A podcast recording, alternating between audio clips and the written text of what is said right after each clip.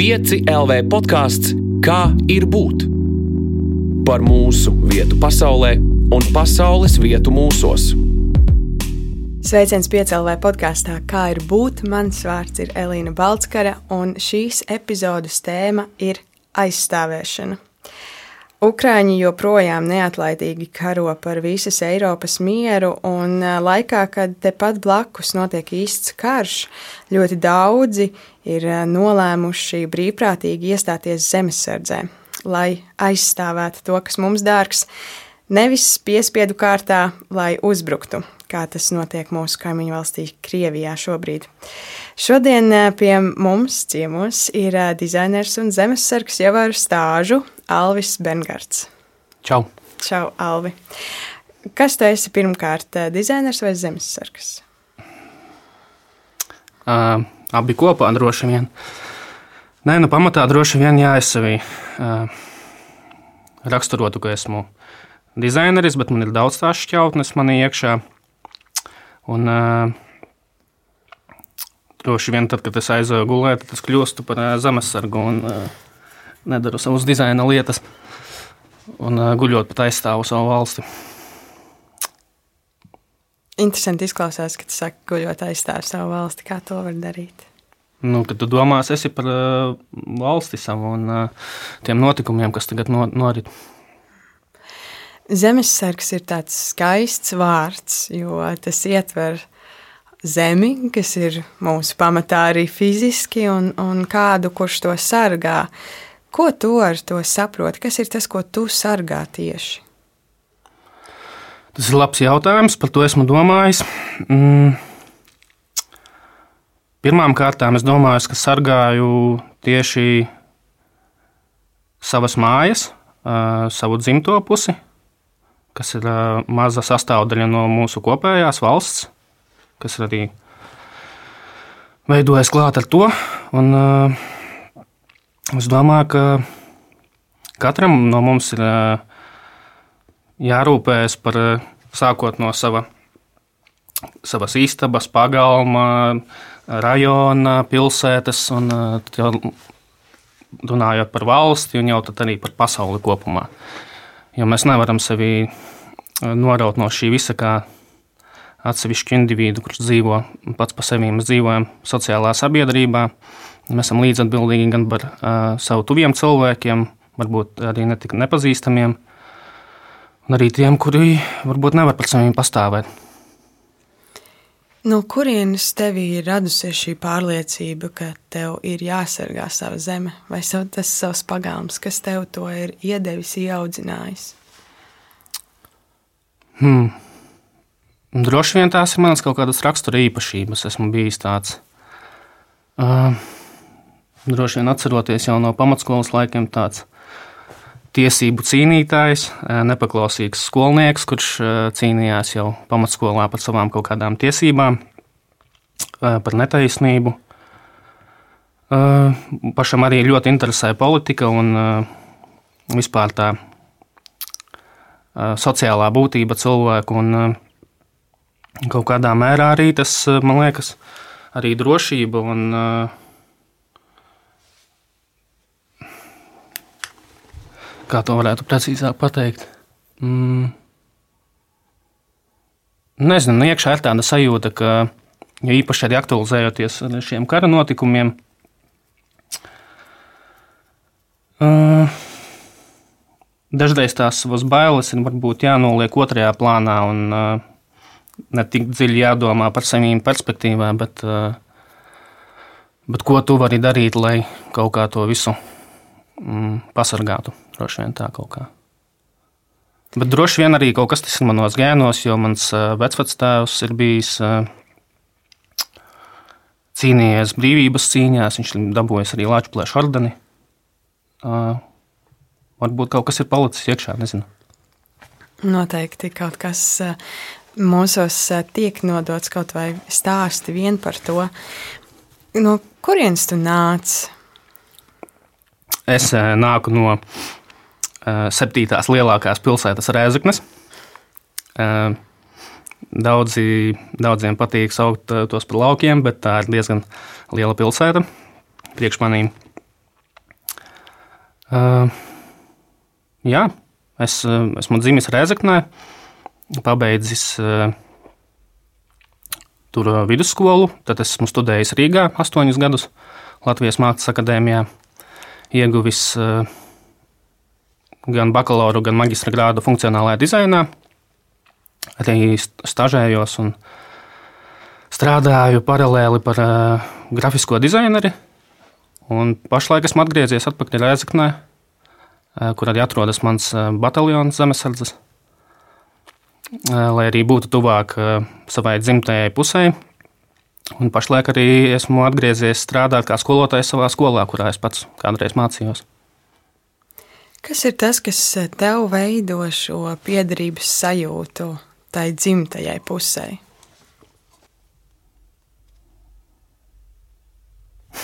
Tā poetiski, nezinu, gaisa, ūdens, varbūt uh, to grūti noraksturot. Man liekas, tas, uh, vai tas iekšēji ir katram uh, sevī vai nē. Droši vien tā vide kaut kādā ziņā tie cilvēki, tā arhitektūra. Es varu, man ir tā iespēja salīdzināt. Esmu dzīvojis astoņi gadi Rīgā. Un, protams, kaut kādā periodā jau arī šeit bija palikušas manas mājas, un, kad es braukāju ciemos uz Rēzekni, man nekad nebija tāda sajūta, ka es tur esmu atbraucis ciemos. Man bija sajūta, ka esmu atbraucis mājās, un tagad, atbraucot, atgriežoties atpakaļ Rēzeknē, Atbraucot Rīgā, man nav sajūta, ka esmu mājās, esmu ciemos. Tāpēc droši vien nezinu, kaut kas tāds ir neizskaidrojams droši vien priekš manīm. Es domāju par to, kā mēs varam to savu piedarību valstī un tādu, nu, kas tas sauc par patriotiskumu. Ap simtgadus laiku parādījās termins aizvien biežāk valsts griba lai kaut kādā veidā neierobežotu to. Nereti mēs to vairāk izjūtam 11. novembrī, dodoties svecīšu gājienā, vai 18. novembrī griežot svētku kūku, 4. maijā klājot baltus galdautus vai citos īpašos svētkos. Bet kā tu to noturi ikdienā? Jo tev tas nav tikai par trīs datumiem gadā, tev tā ir apņemšanās, ko tu pildi jau 11 gadus. Kā tu saglabā sevī šo sajūtu?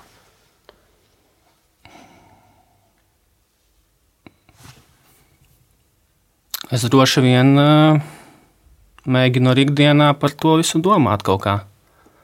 Būt uh, mm, līdzdalīgs vai tajā pašā Ja mēs runājam, interesēties par politiku, skatīties ziņas, interesēties, kas notiek Latvijā, kas notiek man apkārt, kas notiek ar maniem cilvēkiem. Un, runājot par zemesardzi, tas ir, mm, ir tāds kā līgums, ko es ar to esmu noslēdzis, un pagaidām es viņu negrasos laust. Un, ja man ir līgums, esmu man ir pienākums arī piedalīties. Ir bijuši periodi manā dzīvē, kad es studēju Rīgā, un uh, man sanāca mazāk iesaistīties, bet es centos braukāt. Protams, man bija iespēja nomainīt bataljonu, bet uh, kaut kā es uh, gribēju saglabāt to piederību tam savam reģionam un tiem cilvēkiem, ar ko esmu tur kopā. Un, uh, tā ir kaut kāda kopības sajūta. Un, Un runājot par to pāris svētkiem, man liekas, ka jā, tie ir tādi kā eh, dzirkstelis, kas mums eh, atgādina par to, kas mums ir. Eh, bet mums vajadzētu par to neaizmirst arī ikdienā. Nevajadzētu varbūt tādā galējībā iet tur pilnīgi tādā nacionālismā, es domāju, bet, bet lepoties ar to, kas mums ir un cīnīties, lai kaut kas arī uzlabojas, varbūt lietās, kas mums nepatīk. Ja es pareizi rēķinu, tad tu zemesardzē iestājies 18 gadu vecumā. Tieši tā. Tas ir arī laiks, no kura to vispār ir iespējams izdarīt, vai tas bija lēmums, um, jeb uh, tāda rīcība, ko tu jau gaidīji, zinot, ka no, es kļūšu pilngadīgs un es to darīšu, vai tā bija ideja, kas uh, pie tevis ieradās uh, jau nu, tajā brīdī, kad tu biji pilngadīgs, un tad tu arī to izdarīji? Es teikšu, godīgi, man liekas, līdz varbūt kādiem 16 gadiem es par tādu zemesardzi varbūt pat īsti neapjautu. Ne, es kādreiz es biju iestājies pat jaunsardzē, bet tur es ilgi nebiju, varbūt uz divām nodarbībām biju aizgājis. Kaut kā nesalikās. Un tuvāk 18 gadiem es zināju, ka ir tāda zemesardze, bet kaut kā tas nebija kaut kas tāds, ko es gaidīju. Man bija labi draugi, kuriem kuri tajā laikā bija gadu vecāki, viņi mācījās augstskolā Rēzaknes. Man zvanīja draugs un teica, mēs braucam pieteikties zemesardzē, vai tu brauksi ar mums? Es saku, jā, ok, labi. Mēs aizbraucām. Mums bija neliela tāda intervija ar, ar rotas komandieri pirms pieņemšanas, kāpēc mēs to gribam. Un, tajā kaut kā tajā sarunā tas viss tā ievada tajā ceļā. Un, Tā nu tu esi. tā nu tā es esmu, jā. Bet eh, jau es paturpināt gribēju nedaudz. Eh, bet eh, kas ir īpatnējs mūsu reģionā, tieši? Tā, tagad jau, kad es jau esmu zemesargs un vairākus gadus, kad atbraucu uz Rīgu, tas bija ļoti liels pārsteigums, ka esmu zemesargs. Kaut kā Rēzaknē tā nav tāda ļoti neizplatīta lieta. Ļoti daudzi jaunieši, kam paliek 18 gadu, un cilvēki, ir zemesardzē. Tā kā man liekas, es zinu varbūt vairāk zemesargus nekā nezemesargus. Tas ir īstenībā ļoti interesants novērojums, par ko es nebiju aizdomājusies. Bet vai tu atceries, ko tu atbildēji tajā brīdī, kad tev 18 gadu vecumā jautāja tas uh, jūsu uzņēmējs, uh, kāpēc tu vēlies iestāties zemesardzē? Kāda bija tava atbilde tajā vecumā? Es varu tikai spekulēt, bet es tiešām neatceros. Man liekas, tas varbūt bija nedaudz pārsteigt, pārsteigts par to, ka es mācos mācības vidusskolā. Ko... Bet, nu jā, es laikam saistībā ar to, ka vēlos būt noderīgs. Man kaut kādā ziņā stiprināt valsts drošību. Jo tajā laikā arī vēl nebija tas aktualizējies kā 14. gadā, kad tas būtu tik svarīgi. Tā zemesardze bija, bet viņa bija savādāka tajā momentā. Un viņas arī funkcijas bija, man liekas, un nozīme bija nedaudz savādāka. Jā, šķiet, ka katrs tāds uh, militārs konflikts, kas ir kaut kur mums tuvāk, sāsina to cilvēku vēlmi pieteikties un apziņu par to, kāpēc tas ir vajadzīgs. Es arī skatījos, ka tad, kad 24. februārī Krievija iebruka Ukrainā, tad pāris nedēļu laikā pieteicās vairāk cilvēku zemesardzē nekā tas parasti notiek gada laikā. Kas to zina, kāda tie cipari ir šobrīd, kad kara darbība notiek jau vairāk kā pusgadu. Bet runājot par tādiem lielajiem konceptiem un idejām kopumā, Kas tev vispār ikdienā ir tas, kas tev liek justies drošībā? Ikdienā stabilitāte kaut kāda. Uh, ne politiskā partija, protams, joks. Uh, nu, jā, kas man liek justies drošībā. Droši vien kaut kāda prognozētība un uh, brīvība droši vien. Jā. Gan savā ikdienas dzīvē, gan arī varbūt tādā valstiskā līmenī. Un tad uzreiz nākamais jautājums, kas ir tas, kas tev ikdienā liek justies apdraudētam? Mm. Kas man liek justies apdraudētam? Tagad varbūt mazāk eh, nekā dažas nedēļas pēc 24. februāra. Eh, bet kas man liek apdraudēt, liek justies apdraudētam nedaudz, ir arī tie cilvēki, kuri, jo īpaši manā reģionā, kur ir, eh, nezinu, kā noraksturot, nevalstiski noskaņoti un tik ļoti nozumbēti ar mūsu kaimiņu valsts eh, propagandu. Droši vien laikam tā. Un arī īstenībā, ja mēs paskatāmies tagadējos vēlēšanu rezultātus, kas ir arī tieši no Latvijas. Man liekas, nu, tur ir sarkanais tāds zvaniņš jāskandina. Bet tu nāc pats no šī reģiona. Es arī, piemēram, dzīvoju lielākoties Rīgā un nāku no vidzemes, um, kur arī rezultāti pavisam atšķirīgi no cēlus puses, ja mēs salīdzinām, piemēram, ar Latgali. Tu redzi to no iekšpuses, es uz to varu skatīties tikai no malas. Uh, kā tu komentētu, kā tāds iekšējais aģents par to, um, tu piemini tātad Krievijas propagandu, uh, bet kas ir vēl tas, kas cilvēkiem liek aiziet šo ceļu, jo tu esi no tā paša reģiona, un tavi uzskati ir pilnīgi atšķirīgi? Mm, izglītības līmenis droši vien arī. Uh, varbūt tas, ka man ir sanācis uh, būt arī ārzemēs, man ir sanācis padzīvot no turienes uh, citā vietā. Uh, droši vien tas, ko mēs patērējam ikdienā, un, un par nožēlu man liekas, uh, ka tā ir arī valsts atbildība kaut kādā ziņā, ka nu, tas visus šos uh, neatkarības gadus ir atstājis tādā pašplūsmā. Un tagad to visu, man liekas, apstādināt un cilvēkus uh, izmainīt, nu, nav, nav, nav tik vienkārši. Jo, nu, kaut kādā ziņā es saprotu tos cilvēkus, ka viņiem dienas dienā viņi ir dzīvojuši alternatīvā realitātē, viņiem ir grūti tagad uh, mainīt savu pasaules redzējumu. Tā patiesi ir. Es domāju, grūti pat iedomāties, droši vien, ir, kā ir nezināt to citu realitāti. Nu, ka tu tiešām dzīvo vienā stāstā. Bet par to reģionu runājot, eh, atšķirībā no Rīgas, mēs dzīvojam, mums vienmēr ir bijis tā 50 uz 50 tā, uh, populācija. Arī runājot tautības ziņā. Un mēs, man liekas, esam dzīvojuši diezgan saticīgi. Latvijā tādā ziņā ir liels piemērs.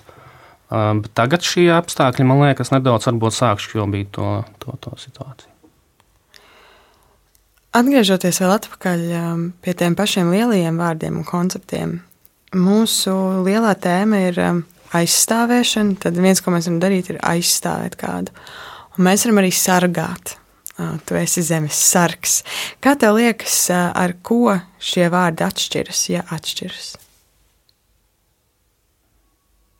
mm, kaut kādā ziņā man liekas, viņi neiet pretrunā viens ar otru. Tas ir sinonīms vai kaut kāds savādāks. Bet man liekas, eh, priekš manīm viņi mm, liekas diezgan līdzīgi. Kas ir tas, ko tu ikdienā izstāvi? Ko tu sargā? Savas vērtības droši vien kaut kādas.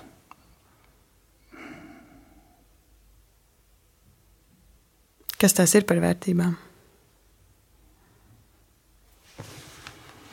Mm, kaut kāds tas mans pasaules redzējums, taisnīgums un uh, progress.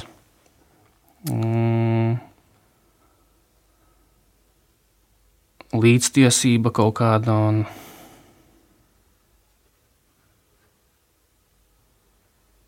Nu, jā, taisnīgums varbūt laikam teica jau. nu, kaut kā tā, jā. Uh, tas ir labs jautājums. Nezinu, vai katrs mēs tā uh, ikdienā aizdomājamies, ko mēs aizstāvam. Parasti tas uh, uh, iet tādā, man liekas, komplektā, ka tev ir tas pretspēks. Tad tu, tev vieglāk ir pateikt, nu, tādās uh, esošās situācijās, man liekas. Tā jau ikdienā es neizēju ārā ar zobenu un vairogu no mājām, un pēkšņi tur sāku aizstāvēties. Bet kas tad ir tie veidi, kā tu ikdienā iestājies par to, kas tev ir svarīgs? Jo katrs jau mēs tās savas vērtības savā dzīvē realizējam atšķirīgi. Kā tu reāli iedzīvini to, kas tev ir svarīgs un ko tu sargā? Mm, pirmkārt, jau būdams kā skolotājs, uh, piedaloties jaunās paudzes audzināšanā, es uh, mēģinu nodot gan profesionālās zināšanas, gan kaut kādu citu skatījumu, kas man ir svarīgi, kas man liekas, mums kopā ir svarīgi, gan, gan dizaina, gan valsts attīstībā. Es pat arī nesen, burtiski, man liekas, pagājušo nedēļu biju iesācis tādu provokatīvu sarunu ar audzēkņiem par obligāto militāro dienestu. Bija interesanti dzirdēt viņu viedokli, jo viņi Viņus tas skars, man jau tas vairāk nevar skart tādā ziņā.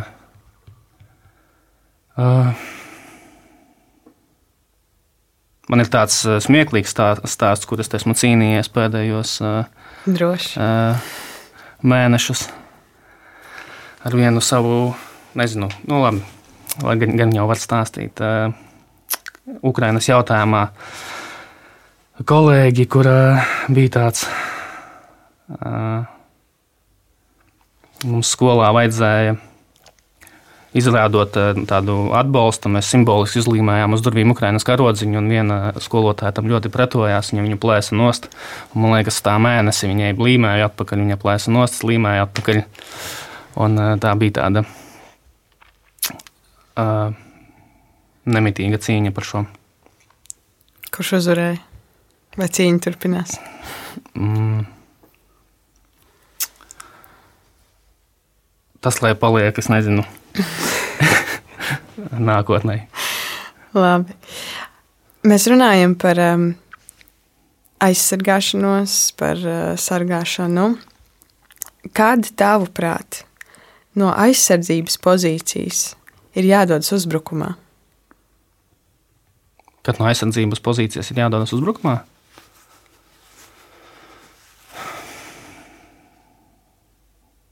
Tad, kad tu jūti, ka tavs, tavi spēki ir pietiekami mm, pastāvēt tam pretspēkam, kas tev stāv priekšā. Ja tu neesi pārliecināts, ka tu spēsi uzvarēt, tad varbūt labāk nogaidīt, pavērot un uh, pāranalizēt droši vien to situācijas apstākļus. Kā tu ikdienā novērtē savus spēkus? Ne tikai tajos kaujas laukos, vai kā jūs trenējaties, bet um, vienkārši ikdienas dzīvē. Skolotājs uh, Alvis, um, kādam draugs, kādam bērns. Tev ir tās vērtības, ko tu sargā, un kā tu zini, kad ir brīdis, kurā, ja kāds tās apdraud, ka tev ir pietiekama spēka, lai cīnītos par tām ne tikai vēršu sargātu.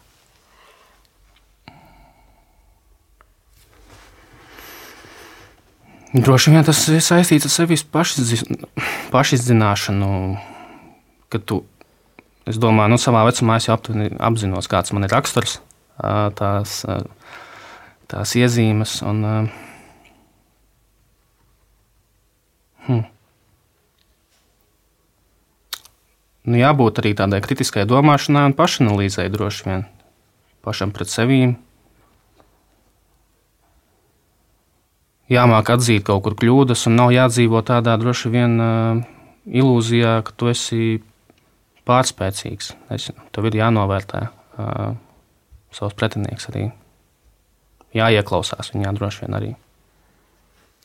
Kad vajag atkāpties?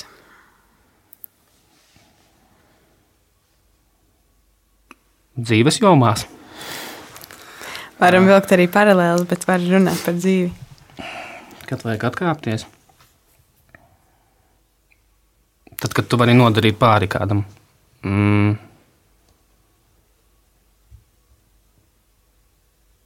Nevainīgam vai uh, radīt liekus, jebkādus zaudējumus cilvēkam, emocionālos vai morālos, fiziskos, droši vien tā. Mm. Tas ir atkāpties gan no savas tās pārliecības, un,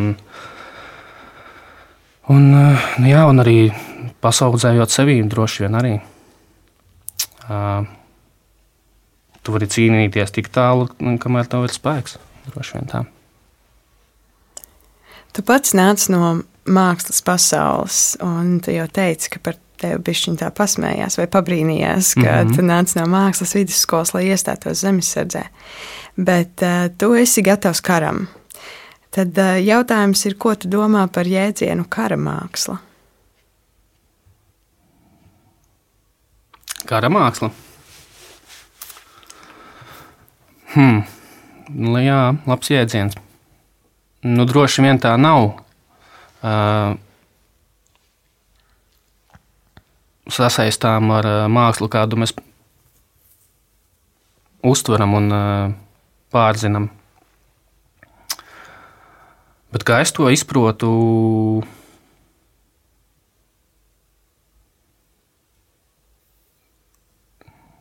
tāpat arī kā māksliniekam, tev ir jāpārzina savi instrumenti, tev ir jāpārzina tehnika, tev jāpārzina uh, mērķa auditorija vai cilvēki, kam tu to vēlies radīt. Un, jāsaprot tā problēma un jāspēj nodot tas vēstījums un ziņa. Un droši vien arī tāpat arī karamākslē ir tāds augstākā, augstākais tāds punkts, kad cilvēks pārzina to lietu, ko viņš dara, kara lauku pretinieku, viņa vājās un stiprās puses, un viņš spēja tajā visā veiksmīgi operēt un uh, veikt pārsteigumus. Pārsteigt uh, pretinieku, tāpat kā mēs ar saviem mākslas darbiem mēģinām pārsteigt uh, skatītāju, vai radīt viņā kaut kādas emocijas, pārdomas, sajūtas. Uh, droši vien arī ar kara mākslu, lai viņš saprotu, ar ko arī Ukraiņas gadījumā lai Krie, Krievijas federācija saprot, kas viņiem stāv pretī, un varbūt viņiem ir laiks atkāpties. Mākslā ir arī mākslas kritiķi, un uh, es domāju, ka tu arī varētu tāds pieskaitīties, jo um, kā nekā katrs dodoties skatīties kādu mākslas darbu vai baudīt kādu mākslas darbu, vai tā būtu mūzika vai kino, mēs esam, mums katram iekšā ir mazs kritiķis, kurš saka, šis ir slikti, šis ir labi, šis ir fantastiski. Ja tu būtu kara mākslas kritiķis, kāda būtu tā īsā recenzija par uh, Krievijas kara mākslu? Viņu gadījumā man liekas, uh, tā ir, man liekas, visu kļūdu sākums, tad, kad tu izdarīji pārsteidzīgus vai nepareizus secinājumus vai priekšstatus, nenovērtēja situāciju un pārvērtēja pats savas spējas. Un viņu gadījumā, man liekas, arī uz ko mēs varam atskatīties, tā problēma ir bijusi tā arogance un uh, mm, vai viltus tāds tēls, ka viņi ir nepārspējami. Un, kas dažreiz nostrādā, nostrādā, kad tu mēģini, un tas arī man liekas, ir strādājis ilgus gadus, kad viņi baida ar to savu izdomāto tēlu, bet viņi, viņi uz to arī paļaujas. Viņi negaidīja, ka būs tāda pretestība. Un, nu jā, kopumā man liekas, nevajag viņus uh, novērtēt par zemu. Uh, viņiem tāpat ir lieli resursi, bet nu, jā, man liekas, viņu tā problēma karamākslā ir tāda, ka viņi, viņiem grūti atzīt sakāvi, uh, kas ieved viņu, viņus jaunos melos, jaunās problēmās. Man liekas, bija ļoti labs tas teiciens no seriāla Černobiļa, kur tas zinātnieks teica, ka tur bija tas par meliem, tas, ka meli vienmēr rada. Vienmēr viņi iznāks gaismā un viņi rada tās problēmas. Neatceros, kā tas tieši bija, bet man liekas, tas bija tāpat kā par Padomju Savienību. Man liekas, tas pats viņiem ir arī kaut kas paudžu paudzēs nodos tāda tā problēma.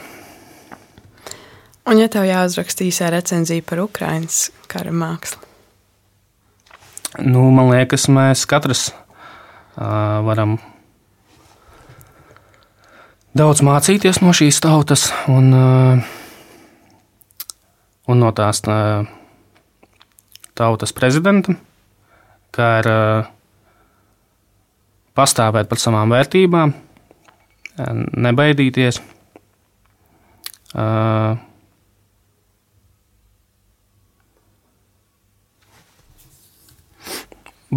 Protams, baidīties, bet neļauties, lai bailes pārņem jūs, ka jūs paliekat paralizēti un nespējat rīkoties. Bailes, man liekas, tā ir cilvēciska lieta. Vienkārši jautājums ir, cik mēs spējam uh, nomierināties un ar vēsu prātu saprast to situāciju, kas ar mums notiek, un ar Ukraiņu ir, man liekas, labs piemērs, kuri, jā, viņi varbūt ļāva atkāpties, bet kopumā viņi sagrupējās, viņi parādīja visai pasaulē, ka viņi ir spē, spējīgi un viņi negrasās atstāt ne centimetru savas zemes. Viņos noticēja arī citi cilvēki. Un pats galvenais, ka viņi noticēja paši savu. Un man liekas, tas, kā viņi kustās uz priekšu pēdējās nedēļās pat tādiem diezgan lieliem soļiem, tad man liekas, viņi, mēs varam no viņiem mācīties. Mans tāds viedoklis būtu, ka mēs kā NATO dalība valsts iegūtu no tāda partnera. Vienā brīdī Ukrainā aicināja pievienoties savām rindām karotājus no visas pasaules. Vai tev kādā brīdī ir bijusi vēlme atstāt uz kādu laiku skolu un pārējo savu ikdienas dzīvi, lai uh, būtu tur un karot par brīvību? Um, godīgi, pirmajās nedēļas, uh, pirmajās nedēļās, nu, varbūt ne pirmajās, nezinu, varbūt pirmajā mē, pēdējā mēneša beigās, pirmā mēneša beigās. Uh, tad, kad nāca klajā tie visi, man liekas, tas bija, es precīzi neatceros, tie bučas visi. Uh, nodarījumi, ja viņus tā varētu mīksti teikt. Tad, tad man bija tāda doma, bet tīri gan juridiski es nevaru to darīt. Man tad ir jāiet prom no zemesardzes. Un uh, es laikam arī apzinos to, ka mm, kādam jau arī ir jāpaliek sargāt uh, uh, arī mūsu valsts. Tur droši vien jānodala tas tās emocionālais uh, sakāpums no tā racionālā aspekta. Es neaugstu arī būdams zemesardzē, uh, iet uz frontes līniju un karot karošanas pēc. Uh, Un es saprotu tās, tās konsekvences un varbūtības, un tas jau mans mērķis arī būdams zemesardzē ir tāda kā apdrošināšana, kuru tu maksā, bet tu ceri, ka tev viņu nekad nevajadzēs izmantot. Tas ir ļoti labs veids, kā to nodefinēt. Un vēl turoties pie tā salīdzinājuma starp uh, Krieviju un, uh, un karaspēku Ukrajinā, bet šajā gadījumā ne tikai Ukrajinā. Es domāju, arī tas var attiekties uz Latviju un citām valstīm, kur cilvēki brīvprātīgi izvēlas iesaistīties um, vai zemesargos, vai jau kļūt par uh, profesionāliem karavīriem. Kā tev liekas, ar ko atšķiras tas brīvprātīgais karavīrs no tā, kāds šobrīd karapulks tiek veidots Krievijā, cilvēkiem piespiedu kārtā, mobilizējot tos, lai dotos uzbrukumā. Kā atšķiras tie divi karotāji?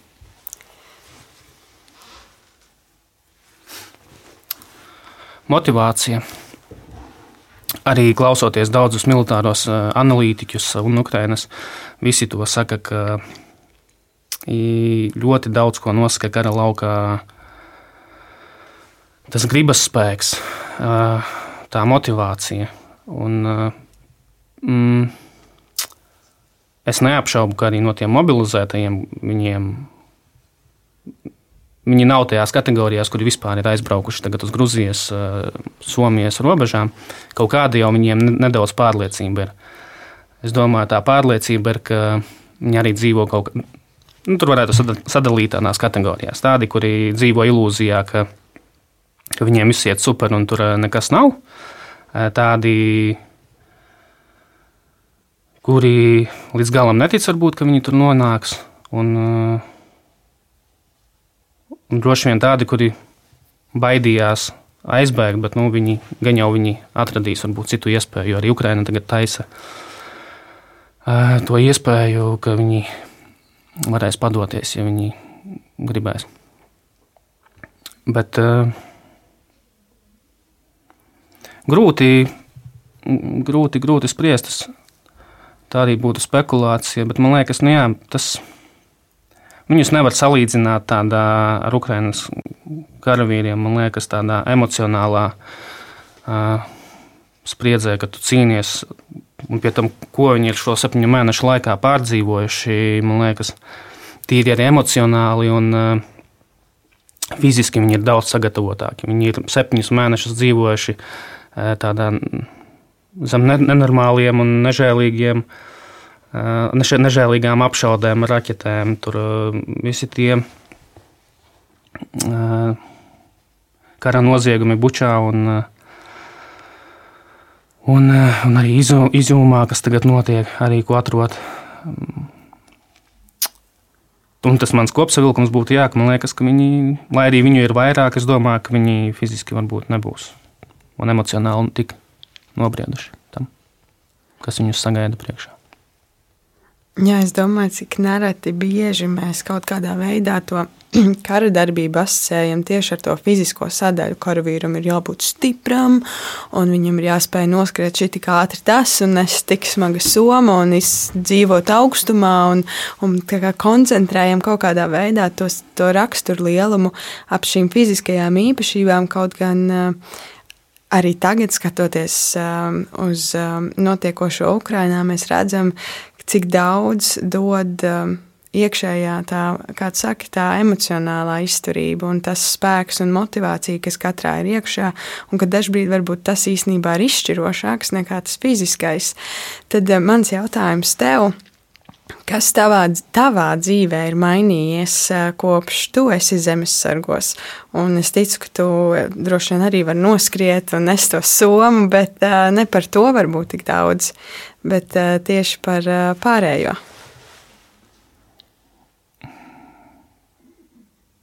Pacietība. Zemesardze var iemācīties pacietību droši vien. Tas ir laikam. Nu, jā, nu, droši vien ja, kaut kādi ir bijušas arī man reizes, kad uh, es kādās no mācībām pie saviem domāju, Alvi, priekš kam tev tas vajadzīgs? Uh, tad, kad tu salsti uh, un tā, bet, bet vienmēr ir patīkami. Tas ir droši vien arī kā sportistiem, vai uh, ka tu katru reizi, kad tiec tam pāri, tas paliek tāds kā atmiņas, un tas galvenais, nu, tu vienmēr zini, ka tu nonāksi mājās un viss būs labi, un kaut kad tas beigsies. Tas varbūt arī mierina situācijas ir dažādas. Mm, protams, varbūt arī kaut kur dzīvē nevar paņemt to pašu, ko tu uh, iegūsti, atrodoties tajos apstākļos. Jo dažreiz dzīvē kaut kādas lietas ir simulācija, tu, tur nav. Uh, nav kaut kādas situācijas, nu, teiksim, tā uz dzīvību un nāvi, kur, nezinu, tur arī nosalt vai vēl kaut ko, un tu vari vienmēr iziet ārā. Bet, nu, kad tu esi pat mācību apstākļos, dažreiz nu, tev vienkārši jāsaskarās ar to, kur tu esi. Un, uh, un kas tev ir jādara? Un kaut kas no tā, tādām mazām, maziem ķieģelīšiem tev iekšā paliek un stiprina tavu raksturu kaut kādā ziņā. Tad, kad tu salsti tajā mežā un liekas, ka nu, viss ir slikti. un tu saki sev, Alvi, nu kam tev šis ir vajadzīgs? Ko tas otrs iekšējais Alvis atbild tam pirmajam?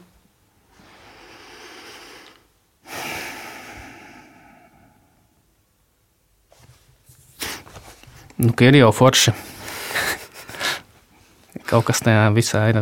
Nu, tā brālības sajūta, tas kolektīvs, cilvēki ap to apkārt. Un tā jau ir interesanti, daudz ko iemācīties. Nu, Porši atrasties dabā, un, protams, ir tas dažreiz kaut kādi diskomforta apstākļi, bet tas nav vienmēr. Ir arī forši dažreiz pagulēt mežā, saulainā, karstā vasaras dienā. Kāpēc gan ne? Un, un, un. Nu jā, es domāju, ka katram no mums ir bijis, ka es pie sevis domāju, tiešām man tikai nāk tādas domas galvā. Nu, tādos, tas varbūt tas nav katrā. Ir bijušas specifiskas mācības, ir tādas vienas, kuras atceros. Kļūdas pēc es nebiju paņēmis uz divu dienām pārtiku līdzi.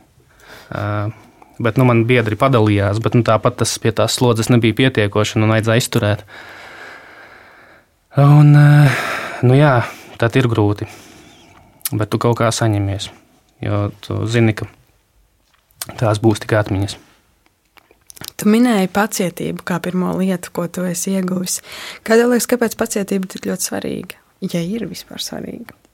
Mm, protams, ka ir tāpēc, ka.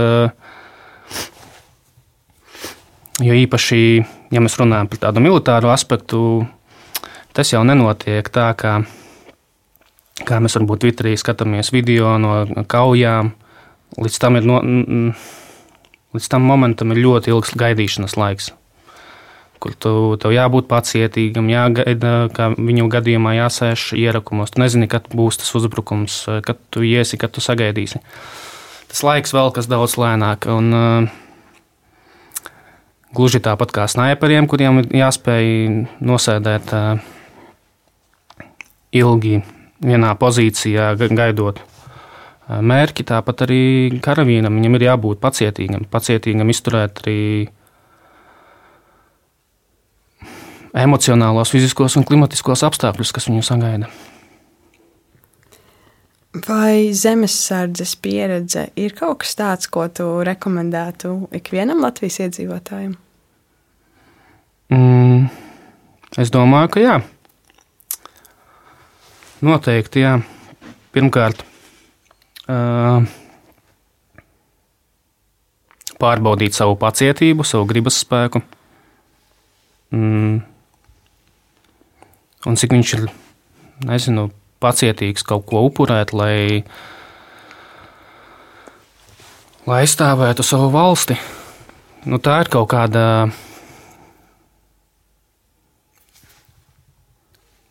maksimāli, cik nu, tas ir iespējams, īstās situācijas uh, simulēšana. Un, uh,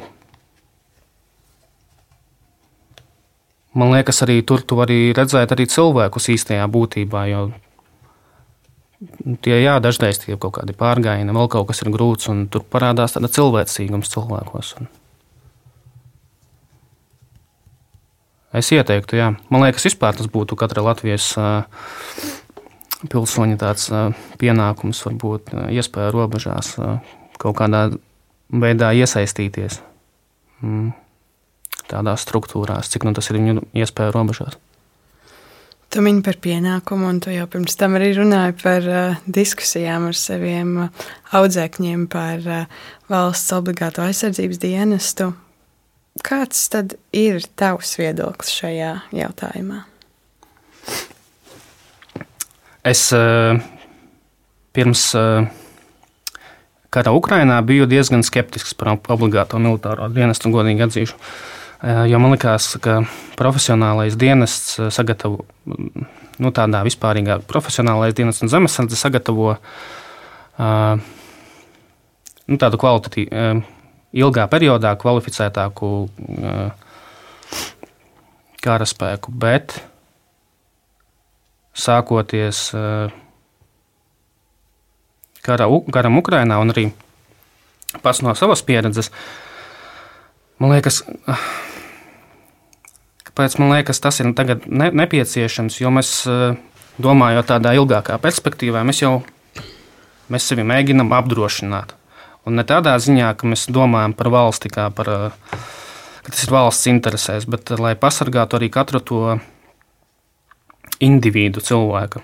Jo pirmkārt, mm, tas tevi jau emocionāli kaut kā sagatavo tam, ka kaut kas tāds var notikt. Uh, un, un arī zināšanu un tādā pieredzes ziņā. Uh, nu, ticiet man, man liekas, piemēram, es nebūdams zemesardzēs, nekad nezināju, ka var pastāvēt tāda lieta, ka ierocis mēdz uh, uh, iestrēgt čaulīti. Piemēram. Nu, tas notiek, salot munīciju, tas notiek diezgan uh, bieži. Un tev ir jā, jāsaprot, kā risināt tā problēma. Uh, un jo to biežāk dari, jo tu vari veiklāk ar to tikt galā. Uh, un, uh, kāpēc man liekas, tagad tas obligātais militārais dienas ir aktualizējies, un kāpēc man liekas, tas ir svarīgi un vajadzīga lieta. Jo tie apstākļi ir mainījušies no tiem, kas varbūt bija pagājuši gadu, ļoti krasi un kaut kādā ziņā. Mums vajag būt gataviem, ja kaut kas tāds notiek arī pie mums, lai cilvēki jau būtu kaut cik sagatavoti aizstāvēt kaut vai paši sevi.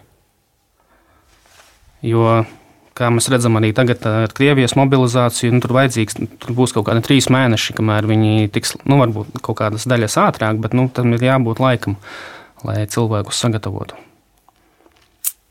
Un, bet es īstenībā šis temats aktualizējās, tas bija ļoti arī Twitterī asociēts, un man bija interesanti palasīt. Tas ra radīja manī arī tādas divējādas sajūtas par dažiem viedokļiem. Bet klausoties tajā, ko tev saka tavi audzēkņi, kāda ir tā jūsu diskusija, kas ir viņu pozīcija un uh, kāds ir tas dialogs, ko tu viņiem pie, piedāvā, kas ir tavs vēstījums, ko tu viņiem centies nodot? Man liekas, arī, no, es tagad neatceros precīzi, bet man liekas, bija arī mm, bažas par to, ka kāpēc tur jāskrēja tagad ar ieročiem būs. Un, uh, bija viens uh, puisis, kas stingri teica, ka nē, nē viņš negrib iet obligātajā militārajā dienestā. Mm. Tas, ko es mēģinu skaidrot, man liekas, ka uz to arī ir jāskatās tā, tas, tas jau nav tikai valsts interesēs vai kaut kādu šauras grupas, tas ir mūsu katra paša. Mm, katra paša vajadzībai. Tāpat, kad, kad mēs kārtojam uh, tiesības automašīnai, mums jāaiziet pirmā medicīniskā palīdzība ne jau uh, tikai lai sev sniegtu. Uh, Ne, ne tikai lai kādam citam sniegtu pirmo nepieciešamo palīdzību, bet arī sev iemācītos to sniegt. Un tāpat arī šeit, lai mēs uh, spētu uh, katrs um, vismaz rastos priekšstats, kā sevi aizstāvēt un veidot kaut kādu iekšējo nezinu, pacietību, rakstura stingrību. Man liekas, ir arī tas stereotips eh, ļoti liekas, plašs, kaut kāds eh, palicis, eh, jo īpaši cilvēkiem, kuri pat vispār tur nav bijuši, ka obligātais militārais dienas ir kaut kas, kā ir bijis Padomju Savienībā. Un kā armija ir kaut kas, kā bija Padomju Savienībā, tā, tā vispār nav. Nu, es pats neesmu bijis Padomju armijā, bet, nu, cik esmu dzirdējis, nu, tas nav tāds pats modelis. Tas, tā ir pavisam cita pasaule. Eiropi, Eiropeiska domāšana un tā. Kopumā militārais dienests, obligāts vai brīvprātīgs, var arī katram, katrai versijai dot savu vārdu. Tā, tavuprāt, ir kalpošana vai ziedošanās? Ja tev ir, vari arī likt trešo variantu klāt. vai obligātais militārais dienas ir kalpošana vai ziedošana? Ne obligāti, obligātais à, militārais, vai dienas. militārais dienas. Jā.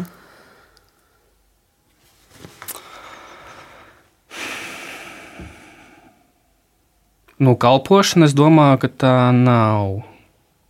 Kaut kādā ziņā mm, ziedošana tā varētu būt, jo tu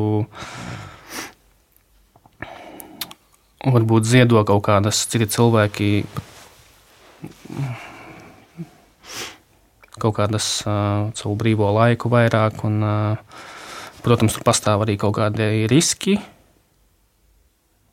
Bet man liekas, ka uz to būtu jāskatās uh, kaut kā savādāk. Es nevaru tagad atrast to vārdu galvā, un par šo būtu jāpadomā. Man liekas, vienmēr ir labi arī no sarunām aiziet ar um, kaut ko, par ko vēl padomāt. Bet uh, kaut kad uh, sarunas sākumā tu pieminēji, cik svarīgi ir pat tad, ja tu baidies, neļaut tām bailēm sevi paralizēt. Vai tu izjūti bailes tajā brīdī, kad Ukrainā sākās karš? Uh, protams, jā. Uh, Jo īpaši pirmkārt, nu es varu izstāstīt to laikam, kaut kādu laika posmu. Bija. Es jau tam biju sācis sekot, man liekas, jau pāris nedēļas pirms tas bija sācies. Man pa, pašam iekšā sajūta bija, ka tas, nu, ka tas virzās uz to, ka visticamāk tas būs. Bet ko es pats negaidīju, uh, ka tas izvērtīsies tādā mērogā. Man liekas, ka varbūt tur sāksies kaut kāda sāsināts konflikts tieši Donbasa reģionā. Un, uh, es atceros to dienu, kaut kā es biju palaidis garām, un es uh, atnāku uz darbu. Un kolēģi stāsta kaut ko, ka Putins draudot ar kodolieročiem, un, un es tajā momentā kaut ko skrolēju ziņās. Man liekas, nu jā, viņš jau to visu laiku dara. Un tad es ieraugu, ka Ukrainā ir sācies karš, un tad man bija tāds wow. Kaut kā pasaulē tajā momentā sastinga. Un tad es, tā kā es pārzinu arī krievu valodu, es noklausījos viņa to uzrunu, un, protams, tas manī. Mm, tādā ziņā sabaidīja, jā. zinot to, ka arī tās, man liekas, pirmās dienas vispār bija tādas ļoti neparedzamas. Un, zinot to, ka es atrodos 100 km attālumā no Krievijas robežas, protams, tajā pirmajā vakarā visu laiku skatu, sekojot līdzi ziņām, kas tur notiek, un pārdzīvojot līdzi, nāk virsū tādas bailes vai pārdomas par to, ka, ka tas ir tik tuvu, ka tev būs jāiet arī uz fronti. Un, uh, kaut kādā ziņā tu mēģini to pieņemt. Vienkārši ar to sadzīvot kaut kā, nu, neļauties tai. Mm, protams, ir tās kaut kādas tās emocijas. Bet, nu jā, sadzīvot un to pieņemt kaut kā. Man liekas, ka tikko vismaz man atbildēja par to sākuma jautājumu. Tu teici, ka Reizeknē ir tik normāli iet zemes sardzē. Nu, tas tā pašsaprotami diezgan. Un runājot par simts kilometriem no Krievijas robežas, aizdomājos, varbūt kaut kādā mērā arī ar to tas ir saistīts. Bet um, vedot jau sarunu uz otru pusi, viens ir baidīties, otrs ir neļaut tām bailēm sevi paralizēt. Kur tu pats meklē, atrodi un radi savu drosmi? Droši vien kā citi jau nezinu, meklē no savu cil, blakus cilvēkiem, kas tam iedvesmo, vai cilvēkiem ārpasaulē, kas kaut kā rīkojas. Es nezinu, vai to drosmi tā var paņemt. Vienkārši ir tās uh, dzīvē situācijas, kurās. Mm, mm, tu kaut kā nezinu. Tu jau tu varbūt domā, kā tu, kā tu rīkotos, bet tu jau nezini, kā tu pa īstam rīkosies. Tu vari tikai uh, ar tādiem maziem solīšiem kaut kā varbūt stimulēt un pie, pieiet kaut kādām tām dzīves situācijām un tiešām uh, saprast to. Bet tā kopumā, jā, es teiktu, laikam, ka tā drosme es ņemu kaut kā no cilvēkiem, kas man ir apkārt. Vai tu vari mums visiem tagad kļūt par to cilvēku, no kura mēs varam paņemt drosmi? Un um, varbūt tu mūs vari iedrošināt šodien. Tas ir tāda, tāda liela atbildība. Tas ir... Kā mēs varam kļūt drosmīgāki?